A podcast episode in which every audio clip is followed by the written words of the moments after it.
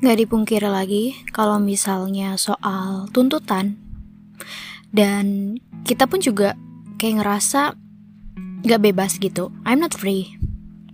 Jadi ini tuh aku pingin memperjelas soal season yang episode yang judulnya free. Kenapa sih masih dituntut?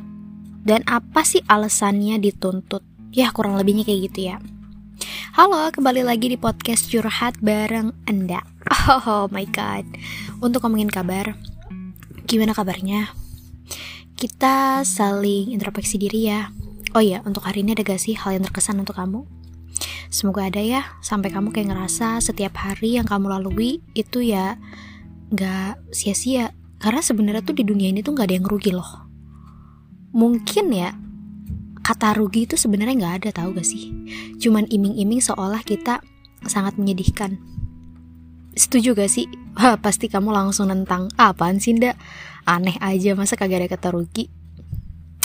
Tapi untuk ngomongin rugi mungkin nanti aku bakal bahas di episode berikutnya atau gak yang bakal aku bahas soal rugi. Oke okay, sebenarnya aku ngerasa pernah yang namanya dituntut dan untuk alasannya jujur aku sampai sekarang nggak tahu. Cuma alasan kenapa kita dituntut, kenapa kita dikekang, kenapa kita di kamu harus ini, kamu harus ini gitu. Ditekan. Mungkin ada beberapa orang yang mengatakan gitu ya, menyatakan ya alasannya itu gitu. Kamu ngerasa it gak gak clear gitu, gak ada yang maksudnya kayak gak ngerasa puas gitu sama pernyataan itu. Cuma kalau aku pribadi, Kenapa aku dituntut? Ya alasannya kurang lebih ya karena aku aku mencari tahu jawabannya sendiri. Karena dari hal yang dituntut sama orang di sekitar kita, orang yang kita sayang tuh, kita coba untuk memaksakan diri apa yang dia mau. Aku jalani, aku paksakan untuk menikmati walaupun enggan. Tapi kenyataannya ketika aku udah tahu nih seluk-beluknya apa yang orang apa apa yang dituntut sama orang yang yang menyayangi aku gitu ya.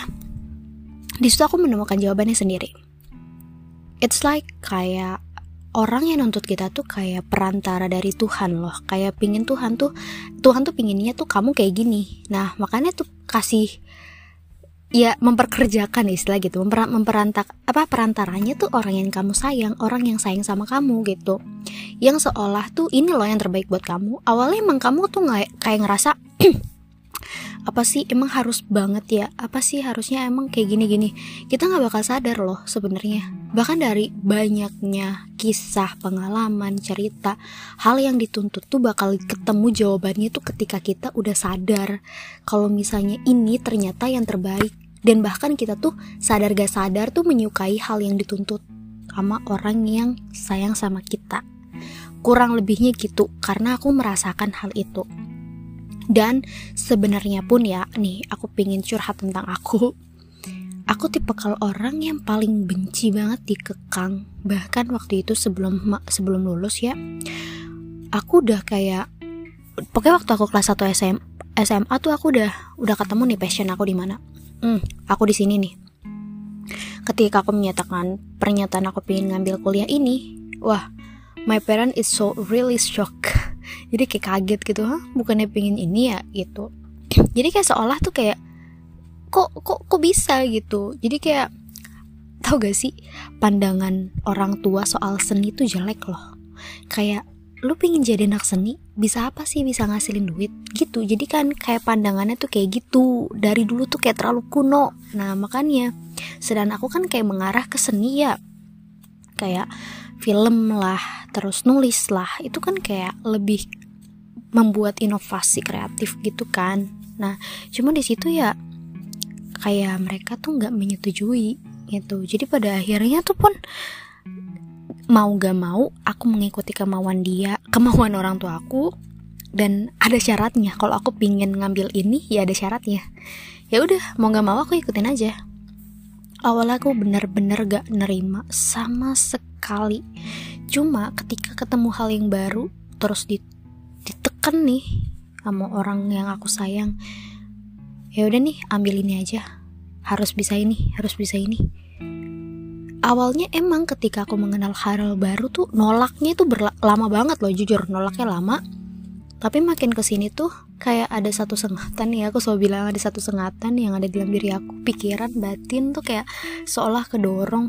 Coba untuk mengenal hal ini dan ketika aku menjalaninya justru aku jauh lebih menyenangkan dan menyukai bahkan mencintai. Dulu aku tuh kayak gak suka banget yang namanya jadi pengusaha. Karena resikonya gede men. Mentalnya harus kuat men. Demi ketika se se teman sebangku aku yang bilang kayak gini pengen jadi pengusaha. Wah gila sih keren banget. Karena ya aku pribadi tuh aku pengen jadi penulis ya nggak ada berbau-bau usaha marketing ekonomi. Ih nggak banget gitu. Dulu tuh nggak banget gitu. Bahkan tuh makanya aku kayak save gini gini gini. Pasti save tuh bakal berbau dengan marketing marketing gitu gitu jadi aku kayak nggak suka ya namanya kayak gitu. Sampai aku tuh kayak udah ketemu passion aku nih. Kayaknya aku nulis. Oh kayaknya aku pin banget ya jadi penggerak film kayak penggerak karakter uh, karak aktor gitu kan. Jadi kayak lebih ke sutradara ya cuma pada kenyataannya ketika orang tua aku menuntut kayak harus ini harus bisa ini gitu kan. Yang mau nggak mau aku pilih satu bisnis yang menurut aku ya Allah kenapa sih ketemu sama ini lagi? Gitu kayak di tahun kemarin ketemu tahun ini harus gitu ketemu lagi. Ya udah mau nggak mau aku ambil. Ya udah aku ngejalaninnya tuh main-main main-main selama 4 bulan main-main. Wow I'm fine gitu kan. Cuma titik di mana tuh kayak Allah juga pingin ngegerakin hati aku tapi lewat perantara orang tua aku. Teh bayar kuliah sendiri ya? Dek jujur kaget banget karena waktu itu bapak tuh pernah bilang kuliahnya dibayar sama bapak. Jadi kan oh I'm fine gitu kan. Ya udah mau nggak mau di situ aku langsung. Gimana caranya nih? Sadar gak sadar aku ngilangin gengsi aku. Dan aku berpikir hey Vir ini adalah online. It's okay. Gitu. Beranikan diri ungkapkan kamu siapa sebenarnya. Gitu kan? Ya udah di situ sampai ada beberapa orang yang tuh kayak kayak bilang ke aku wis gila anak marketing anak marketing anak marketing. Wah gila.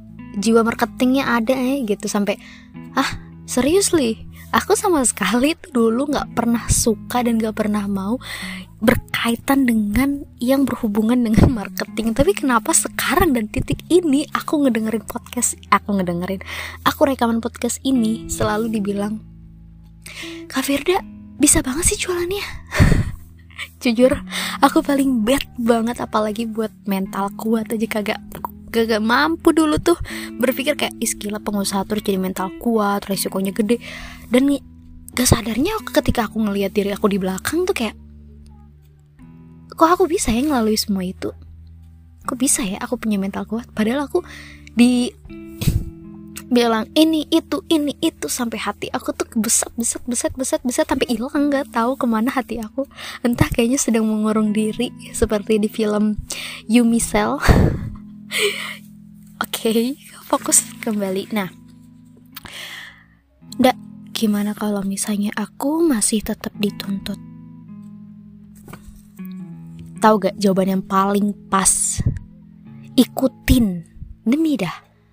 Karena ketika kita udah ngikutin apa kemauan mereka, walaupun mereka belum puas, tapi kita ikutin aja.